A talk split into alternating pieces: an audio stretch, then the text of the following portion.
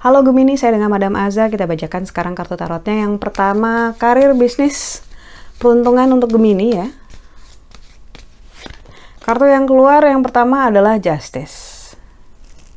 Kadang kalau kita terlalu lama menimbang-nimbang, jadinya malah nggak punya keputusan, nggak mengeluarkan keputusan yang sebenarnya penting untuk dilakukan saat ini gitu. Jadi uh, penuh perhitungan bagus, mempertimbangkan risiko bagus, tapi untuk actually bergerak gitu ya, bener-bener ada actionnya gitu, itu jauh lebih bagus gitu.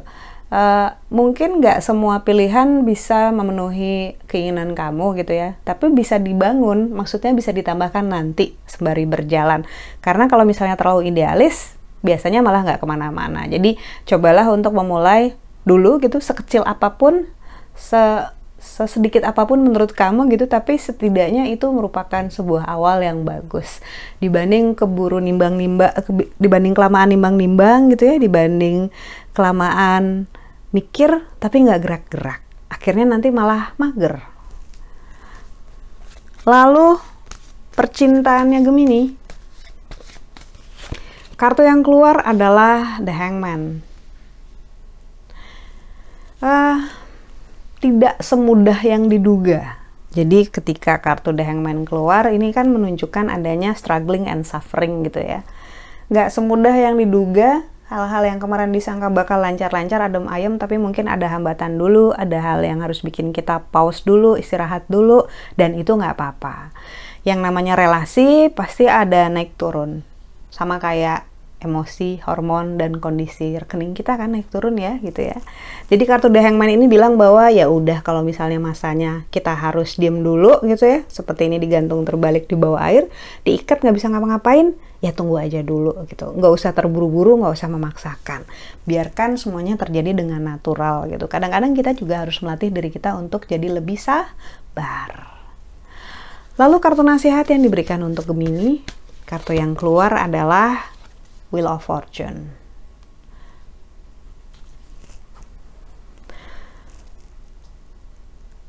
Somehow, energi yang ditangkap adalah bahwa cuma kamu yang bisa ngubah nasib kamu, cuma kamu yang bisa mengupayakan kondisi kamu jadi lebih baik, ataupun kamu mau tetap seperti ini gitu ya, stuck ibaratnya gitu ya ibaratnya rodanya nggak muter gitu ya. Tapi kalau misalnya kamu benar-benar menginginkannya, rodanya akan berputar sesuai dengan keberuntungan kamu. Dalam berarti akan membawakan sebuah hasil yang baik gitu.